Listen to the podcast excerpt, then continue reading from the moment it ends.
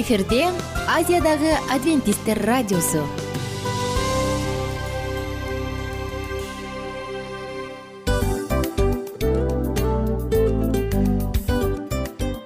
Достор салют. Баардык сүйүктүү угармандарыбызга салам айтабыз. Кутман күнүңүздөр менен. Ден соолук өмүрдүн булагы демекчи саламат саамы программасында баарыңыздарды көргөнүбүзгө абдан кубанычтабыз. Анда алгач амандашып өтөлү арбаңыздар деп. Ден соолугуңуздар кандай элибизде көбүнчө ден соолук кандай дегенде эле жакшы деп жооп беребиз э? ооруп турсак дагы жакшы дейбиз. Анан мен муну айтып ойлойт элем бул абдан сонун сөз депчи анткени бул жакшы деген үмүт да э баары жакшы болот. Баары сонун. Деп үмүттөнүп атып эле өзүбүздү өзүбүз дарылап коебуз. Анысы кандай? Сиздин дагы ден соолугуңуз жакшы беш деген үмүттөбүз чындыгында ден соолук бул өмүрдүн булагы деп бекеринен айтылган эмес деп ойлойм. Кыргыз элинде. Анткени эгерде ден соолук жок болсо анда адамдын жашоосунда калган баардык керектүү маңыздуу нерселер өзүнүн баалуулугун жоготуп коет. Ошондуктан ден соолук бул эң керектүү нерсе. Ооба туура айтасың кесиптешим. Чынында ден соолугуң жок бир эки үч күн ооруп калсаң эле кандай болуп калат? Жашоодо көз каранды болуп каласың көп нерсеге жетишпей каласың көп нерсени кыла албай каласың. Жада калса эшикке дүкөнгө да чыга албай каласың. Туптуура анан ден соолук болсо демек биз биздин бактыбыз тотой деп койсок болот. Анда достор саламат саамы рубрикабызды баштайлы. Алдыда өзүңүзгө керектүү болгон сонун кеңештерди уга аласыздар. Мына ошондуктан биз менен бирге болуңуздар. Ал эми биз болсо милан жана айнура. Кеттик алга. Алга саламат саама ден соолуктун жарчысы. Саламат саама ден соолуктун ачкычы. Күн сайын сиз үчүн мыкты кеңештер сонун жаңылыктар кызыктуу фактылар. Биздин рубрикада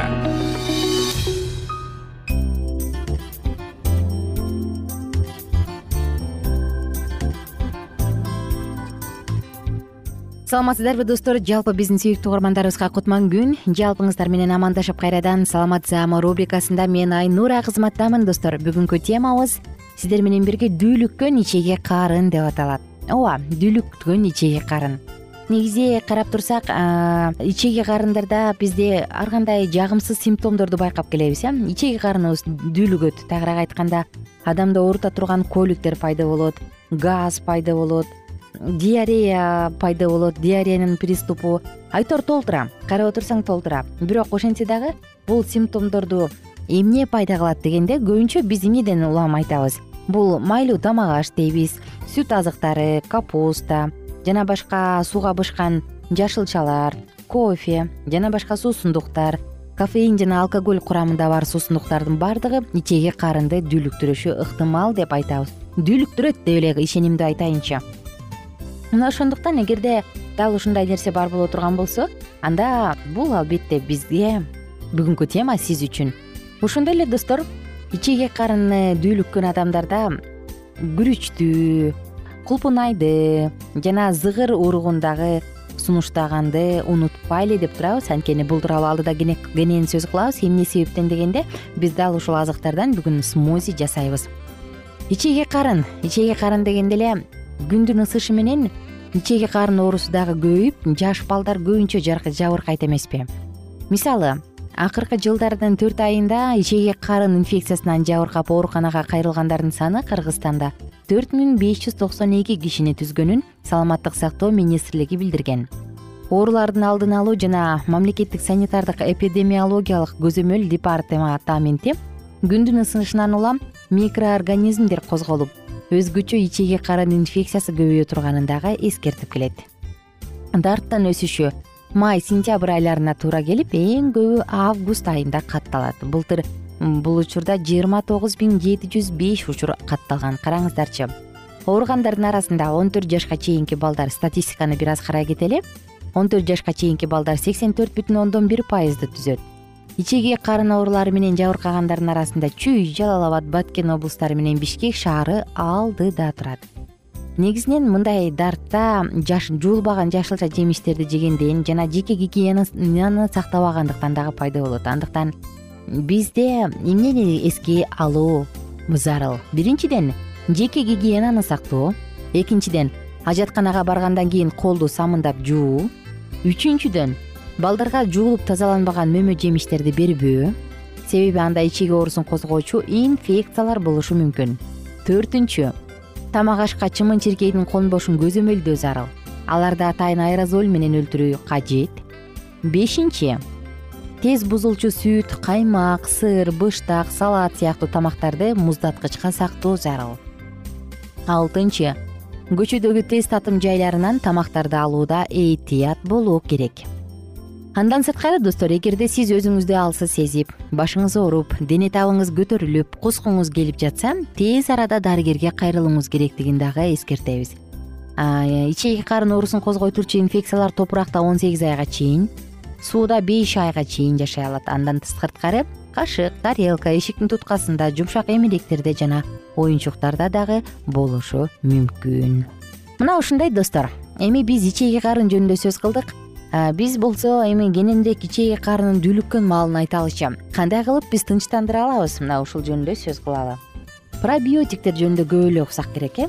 Эгерде ичеги карын тез тез байма бай улам улам дүүлүгүп тура турган болсо анда сөзсүз түрдө биз пробиотиктерди кошушубуз керек.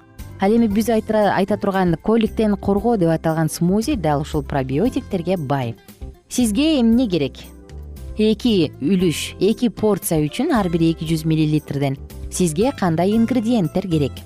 Бир чашка кулпунай эки аш кашык майдаланган зыгырдын уругу бир чашка күрүч сүтү жана төрт лист жалбырак мята. Эми сиз даярдоонун алдында эмне кылышыңыз керек болот? Зыгырдын уругун же чиянын дагы уругун алсаңыз болот аябай майда майда кылып майда порошок болгончо майдалаңыз. Эми аны кулпунай күрүчтүн сүтү жана мятанын жалбырагы менен чогуу блендерге салып бирдей масса пайда болгончокто аралаштырыңыз. Кааласаңыз бир аз татым берүүчү заттарды кошуп койсоңуз болот. Мүмкүн стевия кошуп коерсуз болду смузи даяр иче бериңиз спазма дагы болуп калат эмеспи көбүнчө э? Ичеги карындарда спазма көп болуп турат. Мындай учурда антиспазма деп аталган смузи менен бөлүшө кетели тундурма менен. Сизге эмне керек? Кадимки эле мята керек? Бул перечная деп коебуз колосистая деп коебуз же ромашка деп. Же болбосо кадимки эле ромашка дарыканаларда сатылган. Дал ушулардын бирин алыңыз жана анисти алыңыз жашыл анисти булардын баардыгы тең ичеги карындын жыйрылышына жайылышына абдан жакшы жардам берет.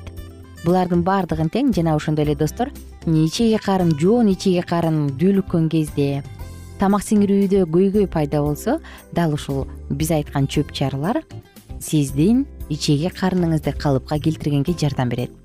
Эми антиспазма деп аталган настойду тундурманы кантип жасайбыз? Бир порция үчүн сизге төрт мятанын жалбырагы бир чай кашык жашыл аниса керек. Болду баардык ингредиенттердин үстүнөн ысык суу кошуңуз дагы куюңуз дагы үч мүнөттөн беш мүнөткө чейин коюп коюңуз. Кааласаңыз стевия коюп кошуп бир аз таттуу кылып алсаңыз болот. Тамактан кийин иче бересиз. Болду достор. Мына ушундай. Ичеги карында көйгөй бар болсо аны сөзсүз түрдө алдын алып сөзсүз түрдө дарыланыш керек. Анткени биздин адамдын оозу иштегенге мажбур кылат дегендей эле биздин оозубуз иштегенге мажбур кылат. Биз жанталашып иштейбиз. Биз жанталашып колдон келишинче баардык иш аракеттерибизди көрөбүз. Булардын баардыгы биздин өзүбүздүн жашообуз. Ошондуктан достор менин кааларым оорубаңыздар. Ичеги карын дайыма бизге өзүнүн функцияларын так аткарып бергендей болсун жана биз дагы алардын саламаттыгы үчүн кам көрөлү кайрадан амандашканча бар болуңуздар. Күнүңүздөр сонун маанайда улансын.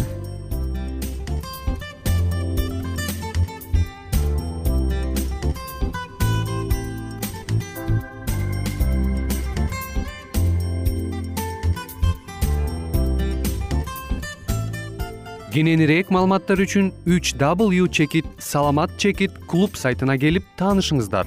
Жана андан тышкары социалдык тармактарда youtube facebook жана instagram баракчаларына катталыңыз. Саламат саама ден соолуктун жарчысы. Саламат саама ден соолуктун ачкычы. Күн сайын сиз үчүн мыкты кеңештер сонун жаңылыктар кызыктуу фактылар биздин рубрикада.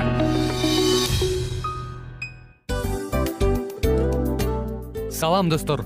Кайрадан биздин сүйүктүү рубрикабызга кош келиңиздер деп айтмакчыбыз баардык замандаштарыбызга арбаңыздар деп саламыбызды айтабыз. Улуу ушундай бир э, урматтаган учурашуу менен анан дил маек радио баракчабызга чакырабыз. Негизи дил маек биздин рубрикабызда эмне жөнүндө кеп кылабыз бул дил маектин мааниси эмнеде рубрикабыз менен кичине тааныштырып кетсеңиз. Сөзсүз түрдө тааныштыра кетейин. Кесиптешим суранычы боюнча бул учурда бул радио баракчада биз ар тарап кесип ээлеринен сонун кеңештерди алабыз сүйлөшөбүз сырдашабыз аталарыбыздын эжелерибиздин апаларыбыздын кеңештерин угабыз айтор жан дүйнөгө адамдын э, сапатына адамдын деги эле адам болуп жашашына керектүү баардык кеңештер алдыда негизи э, дил маек дегенде баягы эки адамдын ортосундагы сырдашуу кенен сүйлөшүү. Негизи эле биз адамдар бири бирибиз менен бир жерге жай жерге отуруп алып өзүнчө тынч э, жашоо жөнүндө өмүрүбүздө эмне болуп атканын бөлүшкөнү жакшы көрөбүз э адамдар. Ооба туура айтасың анан мындай учурга кээде убакыт да жетпей келет э? Же болбосо сырыңды кайгыңды муңуңду кубанычыңды айткың келет а адамга ишенбешиң мүмкүн. Ооба. А бул радио баракча угармандарыбыздын чыныгы досу анткени бизден алган кеңеш сиздин жашооңузга чоң жардам берет. Ал эми сиздин бизге айта турган сөзүңүз ортодо гана сыр бойдон калат. Ошондуктан биздин дил маек рубрикабызга дагы бир жолу кош келиңиздер. Жана биз даярдаган маалыматтарга даяр болуңуздар. Айнура жана милан сиздер менен бирге алдыга кеттик ар түрдүү ардактуу кесип ээлеринен алтын сөздөр жүрөк ачышкан сыр чачышкан сонун маек. Дил маек рубрикасында.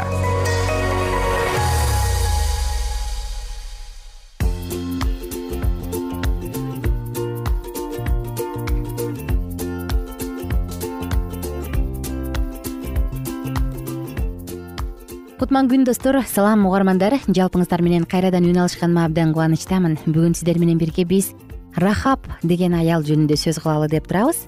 Тыңдап жатканыңыз аял жубай жана эне деп аталган цикл.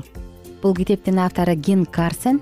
Анан э, бул китепте биз тарыхта из калтырган аялдардын ыйык жазуудагы аялдардын жашоосу менен таанышып атабыз албетте. Кимдир бирөөнүн жашоосу абдан жемиштүү жеңиштүү сонун жашоо кудайдан корккон ыйык жашоодо жашаса кимдир бирөөнүкү тескерисинче мисалы патипардын аялыныкы тескерисинче булганыч жашоо болгон эми рахаб деген ким? Рахаб ишеним аркылуу куткарылган сойку аял караңыздарчы. Бул тууралуу биз сөз кылалы чалгынчыларды тынчтык менен кабыл алган сойку аял рахаб ишенгендиги үчүн моюн сунбагандар менен бирге өлгөн эмес. Нундун уулу жашия шитимден эки чалгынчыны жашыруун жиберип жатып аларга барып жерди жана жерихону көрүп келгиле деди. Шаарды чалган жигиттер аялдын үйүнө барып рахабтын өзүн да атасын да энесин да бир туугандарын да алып чыгышт дейт. Мынакей достор рахаб жөнүндө библияда ушул ушулар айтылган. Библия ыйык жазуу чындыкты айткан китеп. Анда ар бир нерсе өз аты менен аталган. Байыркы келишимде рахаб өз денесин акчага саткан сойку аял болгондугу жөнүндө айтылат. Ал аял жолоочулар түнөп кетип турган жайдын ээси болгон деп бул кайгылуу фактыны кээде жаап жашырууга аракет кылышкан учурлар дагы болгон э? Балким ошондой дагы болгон чыгар. Бирок факты деген факты боюнча калат. Ал аягы суюк аял болгон. Ал учурда жолоочулар түнөй турган жайлардын ээси бир эле учурда эки жумуш аткарган аялдар болгон. Бул нерсе аялдардын көрсөткөн кызматына акы төлөп берүүгө даяр жолоочуларды кызыктырган көрсөтүлгөн кызматтардын майда баратына чейин белгиленген тизмесинде түшкү тамак үчүн төлөнө турган акы менен аял үчүн төлөнгөн акы жөнүндө сөз кылынган. Бирок төшөк үчүн өзүнчө сумма бекитилген эмес.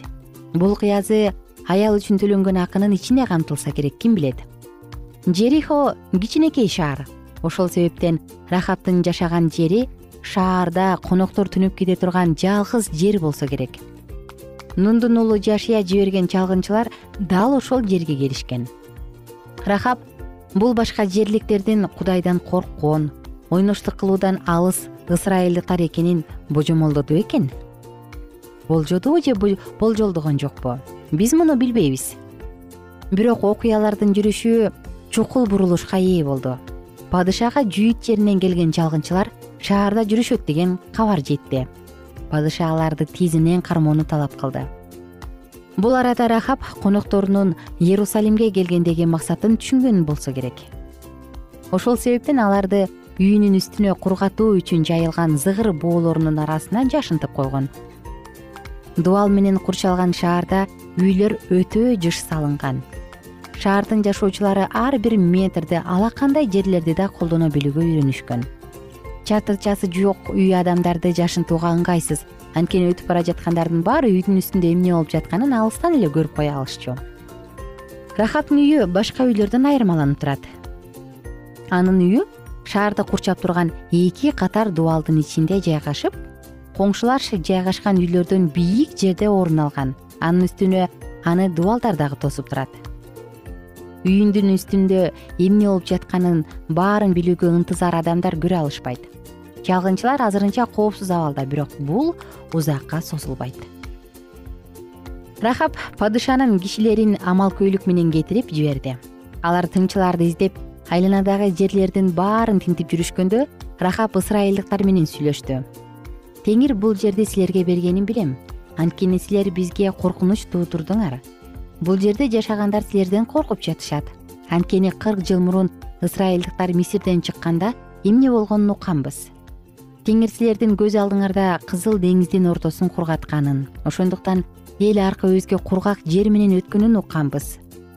Жакында мындан алыс эмес жерде иордандын аркы өзүндө кандай окуя болуп өткөнүн да билебиз. Амурлуктардын эки падышасы өздөрүнүн чек арасынан өтүп кетишиңерге мүмкүнчүлүк бербей койгонун. Бирок бул алар үчүн кандай кыйынчылык алып келгенин да билебиз. Теңир өз эли үчүн эмнелерди кылганын рахаб жакшы билет. Бул жөнүндө укканыбызда жүрөгүбүз түшүп силерге каршы турууга эч кимибиз батынбай калдык анткени силердин кудай теңириңер жогорудагы асмандын да төмөндөгү жердин да кудайы экен деди ал. Ал өзүнүн турмуштук тажрыйбасына ылайык иш кылган акылдуу аял. Ишти жакшылап ойлонгон ал өз планын тайманбастан сунуш кылды. Ошондой эле ал ысрайылдыктарга жардам берген кудай өзүнүн элине жардам бергендерди да калтырбай турганын түшүнөт. Менин көрсөткөн кызматым үчүн силер мага кызмат көрсөтүшүңөр керек. Эгерде мен силердин өмүрүңөрдү сактап калсам буга жооп катары силер менин өмүрүмдү үй бүлөмдүн өмүрүн сактап калууга макулсуңарбы? Деп атат э караңыздарчы. Албетте рахаб өз коопсуздугу үчүн кам көрүп жатат бирок ошол эле учурда ал ысрайылдын кудайына ишенет. Кудай өз эли үчүн күрөшүп ага бул жерди бере турганына ишенет. Кудай бул элдин ысрайылдыктарды шаар дубалдарынын ичине киргизбей коюусуна эч мүмкүнчүлүк бербесине дагы ишенет. Ошентип ал ишенимине жараша иш кылып жатат атамды энемди ага инилеримди эже сиңдилеримди жана алар менен жашагандардын баарын тирүү калтырып жаныңарды сактап калабыз деген белги бергиле деп суранат ал. Рахабтын үйүнүн терезесине байланган кызыл аркан шарттуу белги болушу керек болду. Кызык э достор караңыздарчы. Аял келишим түзүп атат. Анан ишенимди түзүп атат ал. Мен силерди куткарам бул жактан качырып жиберем а бирок силер мага ушундай убада бергиле деп мындай кудайдын өзү менен убада түзүп аткандай ишенимдүү убада түзүп атат. Таң калыштуу таң калбай кое албайсың. Анткени чындыгында бул чын эле таң калыштуу. Достор биз сиздер менен коштошчу учурга келдик. Рахабтын тагдыры андан ары эмне болот? Кийинки уктурууда улантабыз. Ага чейин жалпыңыздар менен коштошом. Күнүңүздөр көңүлдүү маанайда улана берсин бар болуңуздар бай болуңуздар көп жашаңыздар достор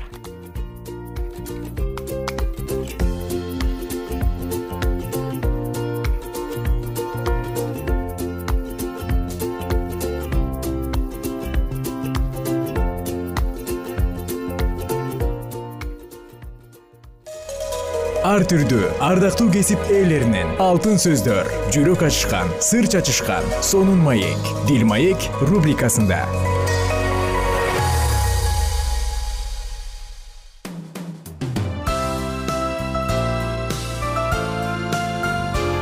Эфирде азиядагы адвентисттер радиосу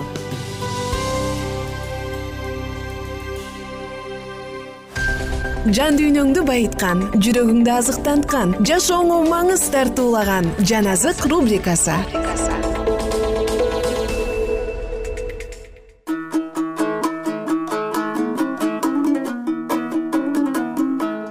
Саламатсыздарбы замандаштар саламатсыздарбы угармандар. Жалпыңыздар менен бирге биз элчилердин иштерин улантабыз тыңдап жатканыңыз жан азык рубрикасы жана эске сала кетсек биз инжил китебинен элчилердин иштерин окуп жатканбыз. Бүгүн улантабыз.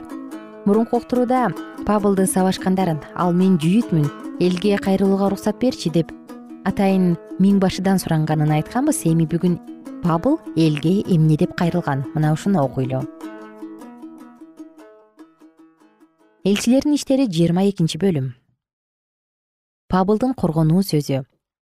Агайын туугандар жана аталар азыр менин актануума кулак салгыла. Алар анын еврей тилинде сүйлөгөнүн угушканда мурдагыдан да тынчтанып калышты. Ошондо ал мындай деди. Мен жүйүтмүн. Киликиянын тарс шаарында туулгам. Бирок иерусалимде гамалиэлдин кол астында тарбиялангам. Андан ата бабаларыбыздын мыйзамын тырышчаактык менен үйрөнүп кудайга силер сыяктуу эле берилип кызмат кылчумун. Ыйсанын жолун жолдоочуларды катуу куугунтуктачумун эркек болобу аял болобу байлап түрмөгө камачумун. Менин бул кылгандарыма башкы кызмат кылуучу да аксакалдар да кеңешигүбө мен алардан суранып дамаскта жашаган жүйүттөргө каттарды жаздырып алдым да ошол жактагы ыйсага ишенгендерди иерусалимге кишендеп алып келип жазага тартыш үчүн дамаскка жөнөдүм. Жолдо мындай окуя болду. Чак түштө дамаскка жакын калганымда күтүлбөгөн жерден асмандан бир чоң жарык түшүп айланамды жаркыратты. Мен жерге жыгылдым анан шабыл шабыл эмне үчүн сен мени кубалап жатасың? деген үндү уктум. Ошондо мен сен кимсиң теңир? деп сурадым. Ал мага сен кубалап жаткан назареттик ыйсамын деп жооп берди. Менин жанымдагылар болсо ошол жарыкты көрүп коркуп кетишти. Бирок мага сүйлөгөндүн үнүн угушкан жок. Ошондо мен теңир мен эмне кылышым керек? деп сурадым. Теңир болсо мага ордуңан туруп дамаскка баргын. Сен кыла турган иштердин бардыгы сага ошол жерде айтылат деди. Ошол жаркыраган жарыктан көзүм көрбөй калгандыктан жанымдагылар мени дамаскка колумдан жетелеп алып барышты.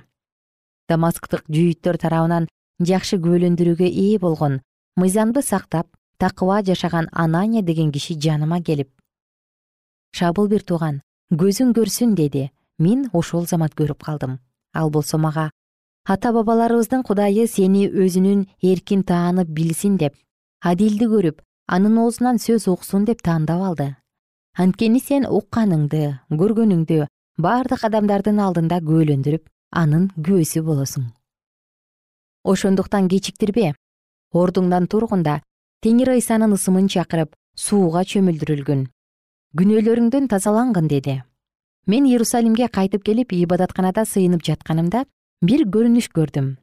Ал көрүнүштө мен аны көрдүм ал мага иерусалимден тезирээк кеткин анткени бул жерде сенин мен жөнүндөгү күбөлөндөрүңдү кабыл алышпайт деди. Ошондо мен теңир сага ишенгендерди түрмөгө камагандыгымды синагогаларда сабагандыгымды сенин күбөң степанды таш бараңга алып жатышканда ошол жерде туруп алып аны өлтүрүп жаткандарды колдоп алардын кийимдерин кайтарып тургандыгымды алар билишет дедим.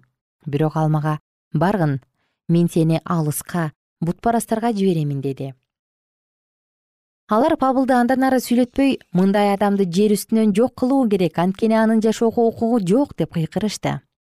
Алар кыйкырып кийимдерин чечип ыргытып туш тушка топурак чача башташты миң башы элдин ага каршы эмнеге мынчалык кыйкырганын себебин билүү максатында аны сабатып суракка алыш үчүн аскерлер үйүнө киргизүүгө буйрук берди. Анан аны сабоо үчүн кайыш курлар менен байлап салышты. Ошондо пабыл жанында турган жүзбашыдан силерге римдин атуулун соттун өкүмүсүз эле сабаганга болобу деп сурады. Жүзбашы муну укканда миң башыга барып сен эмне кылганы жатасың бул адам римдин атуулу экен деди. Ошондо миң башы пабылдын жанына келип сен римдин атуулусуңбу деп сурады. Ал ага ооба! деп жооп берди. Анан миң башы мындай деди. Римдин атуулу болуш үчүн мен көп акча төлөгөм! деди. Пабыл болсо а мен туулгандан эле римдин атуулумун! деди. Ошондо аны кыйнап суракка алмакчы болуп жаткандар дароо четтеп кетишти. Миң башы болсо анын римдин атуулу экендигин билгенде аны байлаттыргандыгы үчүн коркуп кетти. Эртеси күнү миң башы пабылды жүйүттөр эмне себептен айыптап жатканын так билиш үчүн аны кишенден бошотту да. Башка ыйык кызмат кылуучулар менен синедриондун чогулуусун буйруду. Анан пабылды алардын алдына чыгарды элчилердин иштери жыйырма үчүнчү бөлүм. Пабыл синедрионду карап агайын туугандар мен ушул күнгө чейин кудай алдында таза абир менен жашап келдим деди. Башкы кызмат кылуучу ханания пабылдын жанында тургандарга аны оозго урууга буйрук берди. Ошондо пабыл ага мындай деди. Акталган дубал сени кудай урат. Мыйзам боюнча соттоо үчүн отурасың да мыйзамды бузуп мени урууга буйрук бересиң ал жерде тургандар болсо кудайдын башкы кызмат кылуучусуна тил тийгизесиңби? дешти. Пабыл аларга агайын туугандар мен анын башкы кызмат кылуучу экенин билген эмесмин. Анткени ыйык жазууда элиндин башчыларына тил тийгизбе деп жазылган деп жооп берди. Пабыл алардын бир тобу садукейлер бир тобу фарисейлер экендигин билип синедриондо үнүн бийик чыгарып агайын туугандар мен фарисеймин. Фарисейдин уулумун мени өлгөндөрдүн тирилерине үмүттөнгөндүгүм үчүн соттоп жатышат деди. Ал ушул сөздү айткандан кийин фарисейлер менен садукейлердин ортосунда талаш чыгып эл экиге бөлүндү. Анткени садукейлер өлгөндөр тирилишпейт периште деген да рух деген да жок дешет. Фарисейлер болсо өлгөндөр тирилишерине периштелер да рухтар да бар экендигине ишенишет ошентип катуу уруш талаш башталды. Фарисейлер тараптан мыйзам окутуучулар орундарынан туруп биз бул адамдан эч кандай айып таппай жатабыз. Эгерде ага рух же периште сүйлөгөн болсочу кудайга каршы чыкпайлы дешти. Талаш күчөй бергендиктен миң башы пабылды тытып жок кылышпасын деп коркуп аскерлерине барып пабылды элдин ортосунан алып чыккыла да аскерлер үйүнө алып баргыла деп буйрук берди. Эртеси түн ичинде ага теңир келип кайраттан пабыл анткени иерусалимде мен жөнүндө кандай күбөлөндүрсөң римде да ошондой күбөлөндүрүшүң керек деди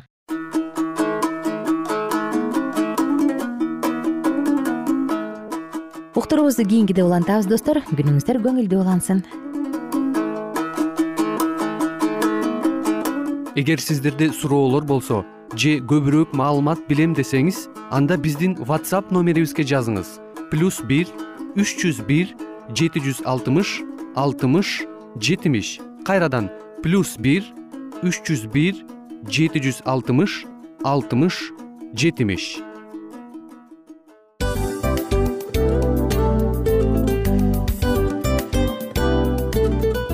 ушинтип убакыт дагы тез өтүп кетет экен. Биз дагы радио уктуруубуздун аягына келип жеттик. Келип кубандырдыңар эми кетип кубандыргыла деп тамашалап калышат эмеспи? Анысы кандай? Радио баракчабызды программабызды азыр эле баштап аткандай болдук элек. Мына соңуна келдик э? Негизи убакыт э, билинбей өтүп кетет экен? Мен дагы убакыт дегенде бүгүн бир адам менен сүйлөшүп калдым. Анан убакыт бул мүмкүнчүлүк деп айтып өзүмө өзүм айтып алып анан мага өзүмө эле кайра ачылыш болду да чын эле Э, карап отурсаң ошол эле жыйырма төрт саат ошол эле жарым саат кайталанып атат. Бирок сендеги мүмкүнчүлүк жок ошол кой берилип кетти. Анысы кандай бүгүнкү сонун убактыңызды алтындай болгон жарым саатыңызды бизге бөлүп арнаганыңыз үчүн ыраазычылык айтабыз анан жашооңуздун кайсы бир сферасын өзгөртө турган сонун пайдалуу кеңеш алган болсоңуз анда биз максатыбызга жеттик. Анан ушул нерсени кылбасам десеңиз ошол өзгөрүүлөрдү кичинекей кадамдардан баштап иш жүзүнө ашырыңыз дагы жашооңузда чоң чоң ийгиликтерге жетиңиздер. Чын жүрөктөн ар бир берилген кеңештер сөздөр сиздерге пайдасын алып келет деп ишенебиз. Жана кийинки уктурууларда сөзсүз түрдө чыдамсыздык менен сиздерди күтөбүз. Сагынычтуу салам айтып кайрадан дал ушул жыштыктан баардыгыңыздарды тосуп алганча кызматта мен айнура жана кесиптешим милан анда кол пулга алайбыз жалпыңыздарга ийгиликтүү күн. Саламатта калыңыздар